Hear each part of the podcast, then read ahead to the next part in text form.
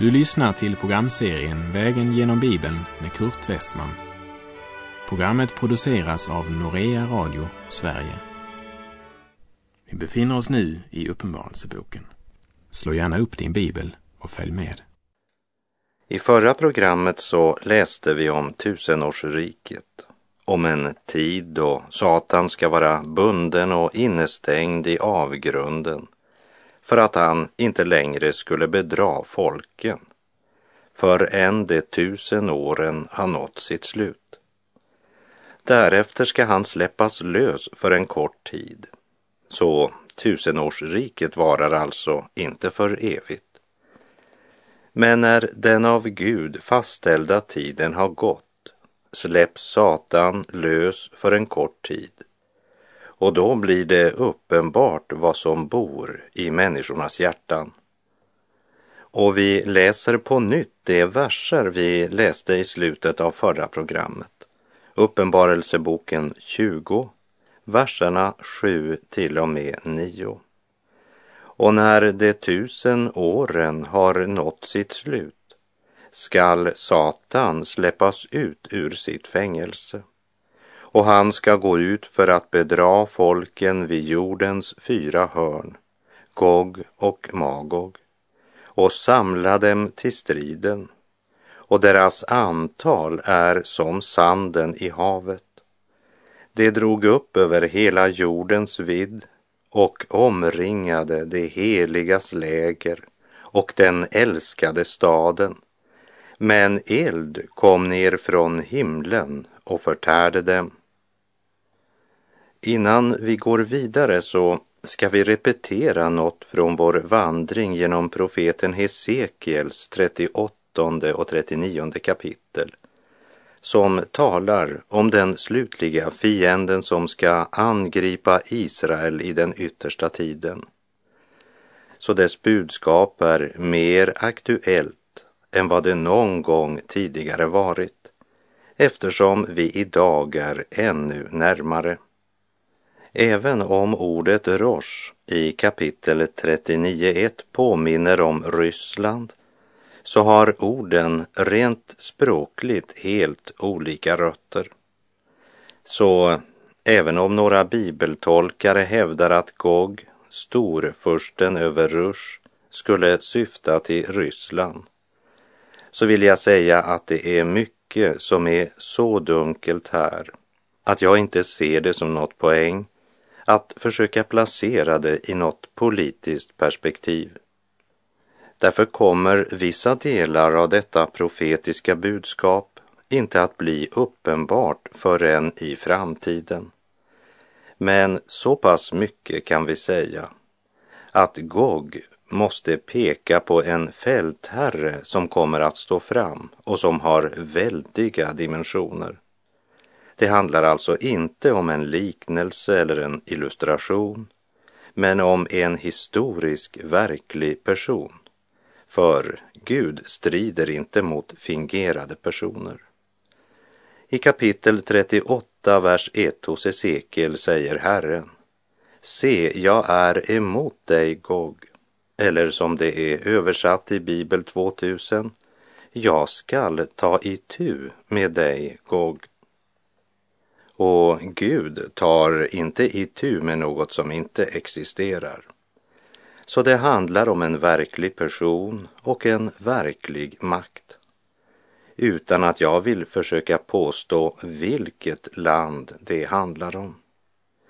Så låt oss inte fastna i spekulation om vem Gog är eller vad som menas med Magogs land, utan konstatera att huvudpoänget är att Gud i Hesekiel 39 skildrar det stora uppgöret med sina fiender. Det vill säga, Herren vill genom detta profetiska budskap göra klart för oss att det som Herrens fiender gör, det är inte ett streck i räkningen för Gud.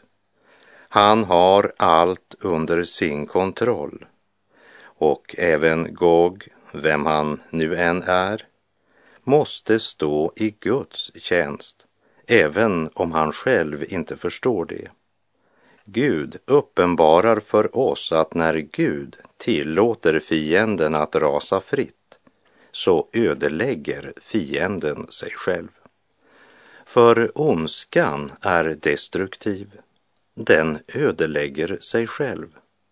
Och än en gång blir det stadfäst att syndens lön är döden. Hur vann Gud oss en evig seger genom Kristus? Jo, helt enkelt genom att låta Satan få fritt spelrum och med allt sitt hat och med all sin kraft slå mot Herren Jesus. Då blev Satan, synden och världen besegrade och det var en evig seger.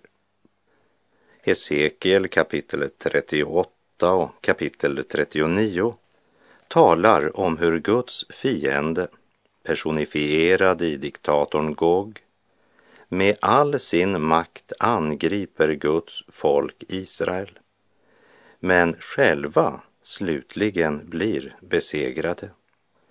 Men denna gång inte genom att Guds son förnedras och dödas, men genom att Gud uppenbarar sin eviga makt och härlighet. Så skall Gud visa sin storhet och helighet och göra sig känd inför många hedna folks ögon. Och det ska inse att Herren är Gud. Och jag repeterar medvetet vad jag sa för bara några minuter sedan. Att Herren vill genom detta profetiska budskap göra klart för oss att det som Herrens fiender gör, det är inte ett streck i räkningen för Gud.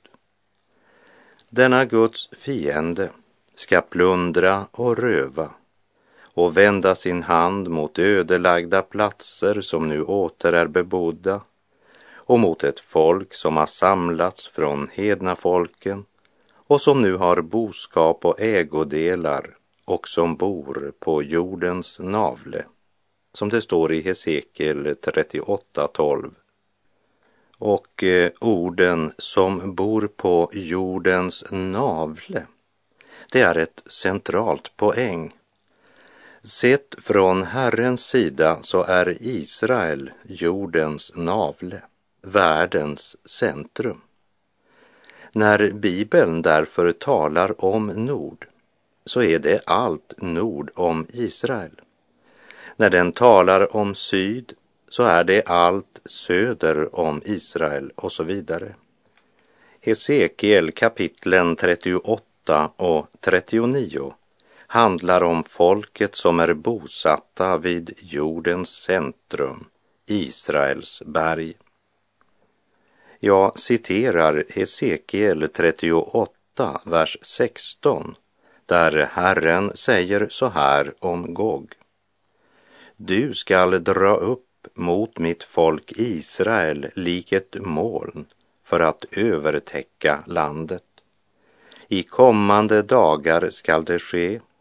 Jag skall låta dig komma över mitt land för att hedna folken ska lära känna mig när jag inför deras ögon bevisar mig helig på dig, du Gog. Lägg märke till att Gud i Hesekiel 38.16 säger mitt land om Israel. Här handlar det definitivt om nationen Israel. Men det betyder inte att profetian inte har något att säga även till dig och mig. Det säger oss att vi som Guds barn inte är fritagna från kamp och strid. Ja, men, säger någon, ska vi inte ha frid? Ja, Guds ord säger att vi äger den frid som övergår allt förstånd.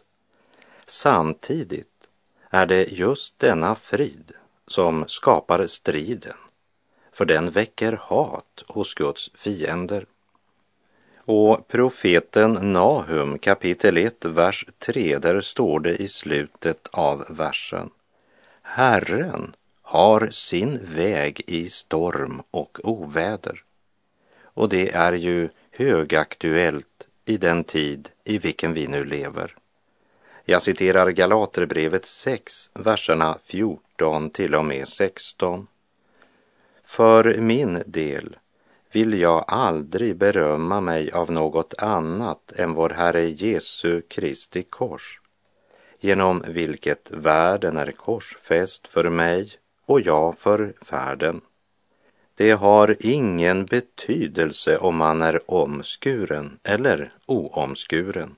Det som verkligen betyder något är en ny skapelse. Frid och barmhärtighet över dem som följer denna regel, ja, över Guds Israel. Men att profetian i Hesekiel 38 och 39 först och främst handlar om nationen Israel råder det inte några tvivel om.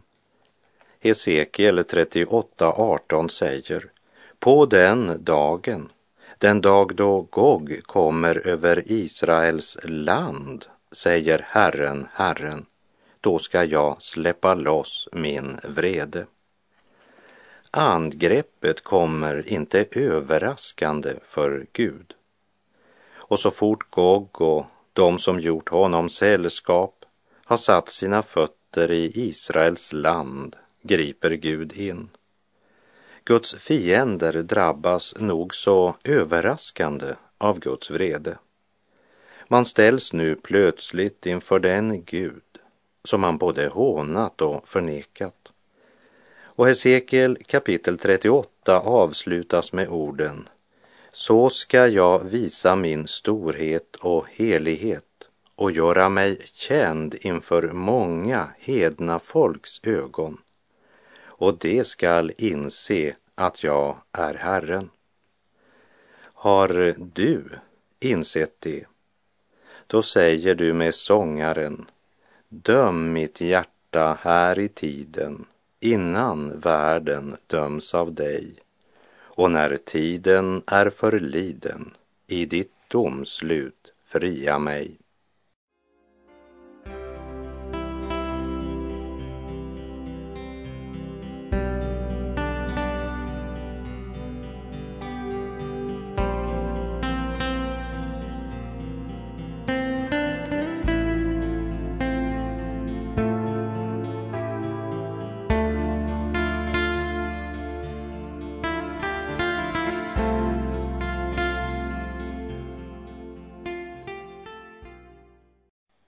Och när de tusen åren har nått sitt slut skall Satan släppas ut ur sitt fängelse och han ska gå ut för att bedra folken vid jordens fyra hörn, Gog och Magog, och samla dem till striden, och deras antal är som sanden i havet.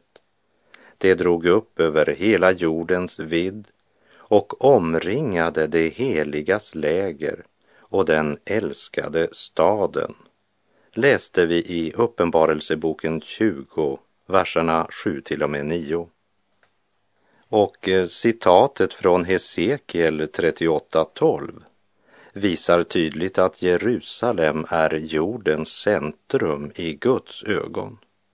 Och därför borde det även vara centrum i våra ögon så sant vi bekänner oss tro på Gud. I Hesekiel 39 så fortsätter Herren att tala om Guds dom över Gog. Det talar om Guds gärning när han till intet gör Guds och Israels fiender. Och det säger oss att när Guds timme kommer så är det ingen strid mellan Gud och hans fiender utan när Gud griper in så är alla mänskliga vapen utan värde. I Andra Thessalonikerbrevets andra kapitel, vers 8, så talar Paulus om att den laglöse ska öppet träda fram. Men honom kommer Herren Jesus att döda med sin muns anda och förgöra när han visar sig vid sin ankomst. Och på samma sätt är det med Gog från Magogs land och alla hans bundsförvanter. Herren ska en dag uppenbara sin härlighet och makt. Jag citerar Hesekiel 39, verserna 4 till och med 6. På Israels berg skall du falla med alla dina härar och med det folk som följer dig. Jag skall ge dig till föda åt rovfåglar av alla slag och åt markens djur. Du skall falla ute på marken, ty jag har talat, säger Herren, Herren. Jag skall sända eld över Magog och över dem som bor i trygghet i kustländerna, och de skall inse att jag är Herren. Jag känner det viktigt att repetera dessa ting från profeten Hesekiels bok inför vad Johannes säger i verserna 7 till och med 10 i Uppenbarelseboken 20. Jag ska sända eld över Magog och över dem som bor i trygghet i kustländerna och de ska inse att jag är Herren, sa Herren genom profeten Hesekiel. Lägg märke till att Herren säger jag skall sända eld. Första Mosebok 19, vers 24 talar om hur Herren lät svavel och eld regna från himmelen från Herren över Sodom och Gomorra. Och detsamma tänker Herren göra när han ödelägger denna armé som ska komma över Israel längst norr ifrån. När Gud skulle ödelägga Sodom och Gomorra så verkar det som om Abraham trodde att Herren var orättfärdig och han frågade Gud, vill du förgöra den rättfärdige tillsammans med den ogudaktige? Och sen frågar Abraham, vill du skona staden om det finns 50 rättfärdiga där? 45, 40, 30, 20, 10.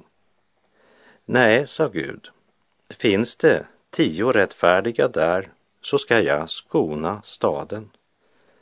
Men det fanns inte tio rättfärdiga i Sodom. Och så sände Gud sina änglar för att föra ut Lot från Sodom.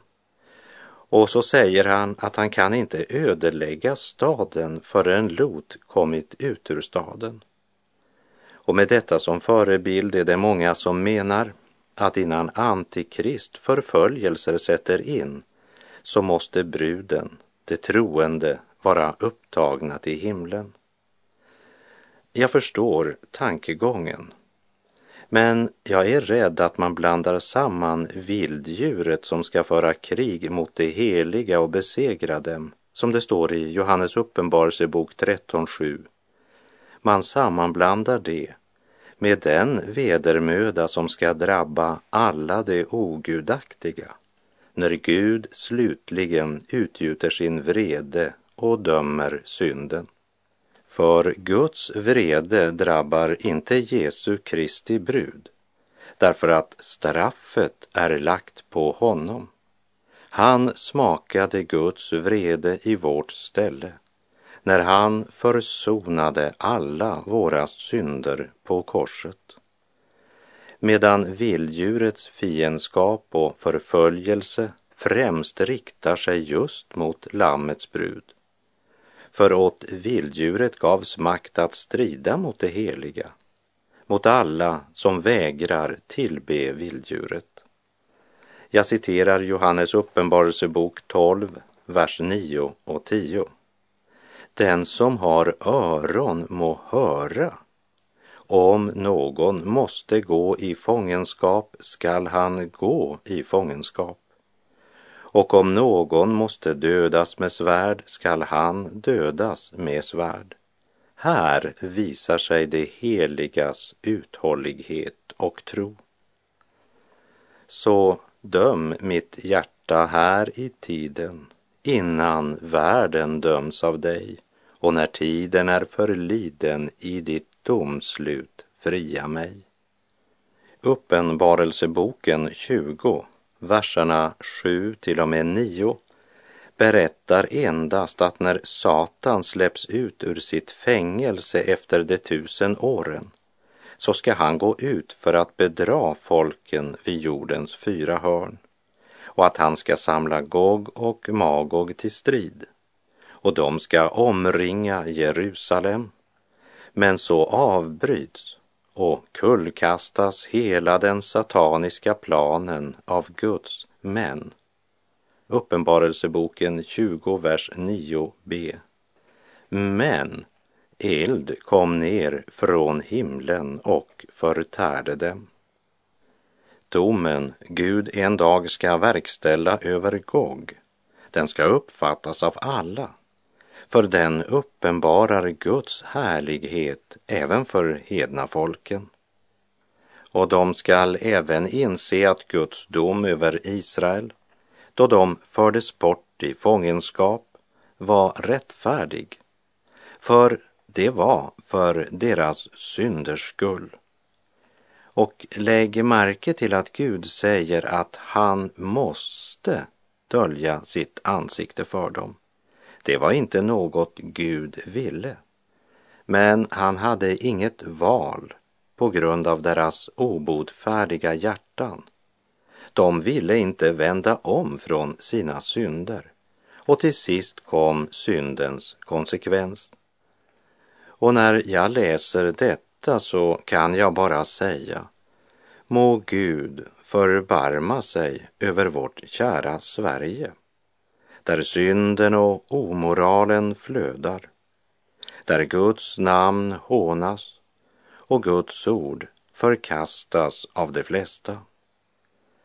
Men när Herren åter förenar Israels stammar och håller sin skyddande hand över dem, då skall Israels folk inse att han är Herren, deras Gud. Jag skall inte mer dölja mitt ansikte för dem, eftersom jag har utgjutit min ande över Israels hus, säger Herren, Herren. Jag tror inte att vi ska uppfatta Gog i Hesekiels bok som en ny stormakt men att det handlar mera om tillfälligt sammansatta folkmassor utan planmässig organisering. Medan däremot Antikrist är ledaren för det samlade världsrike med en genomtänkt satanisk strategi i ett samlat världsrike vars mål är att krossa Gudsriket. Men då kommer Guds män emellan. Uppenbarelseboken 20, vers 9. Det drog upp över hela jordens vidd och omringade det heligas läger och den älskade staden, men eld kom ner från himlen och förtärde dem.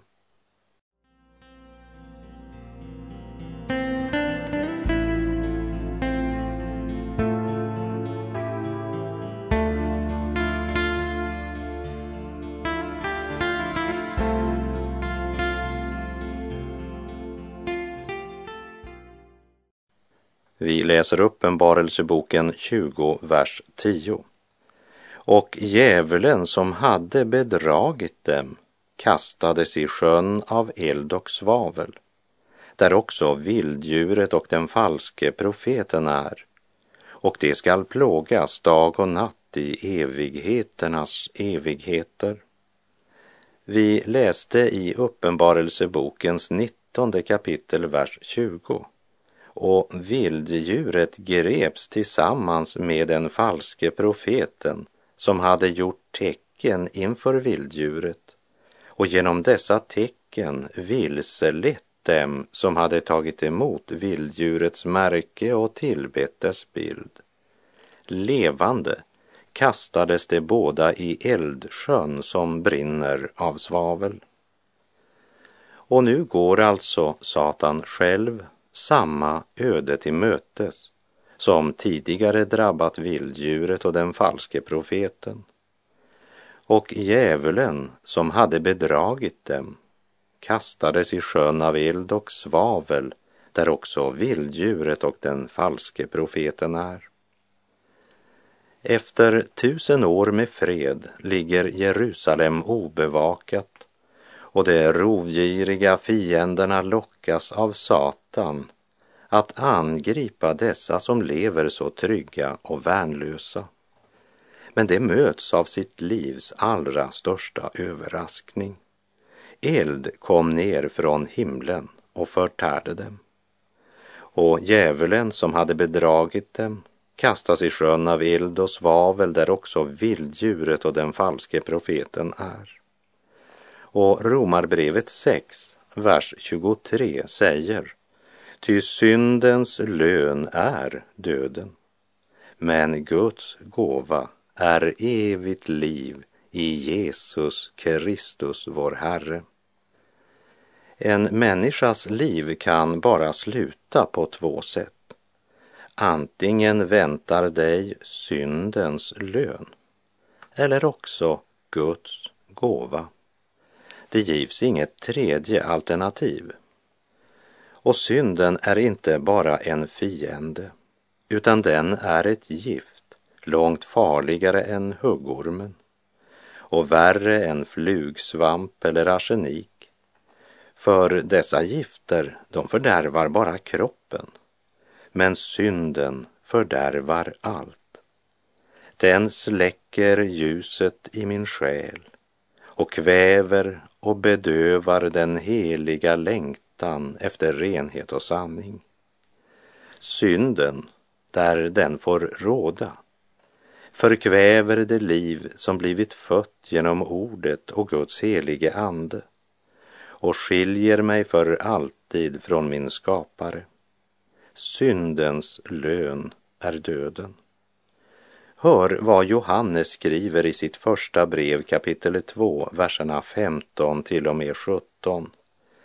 Älska inte världen, inte heller det som är i världen.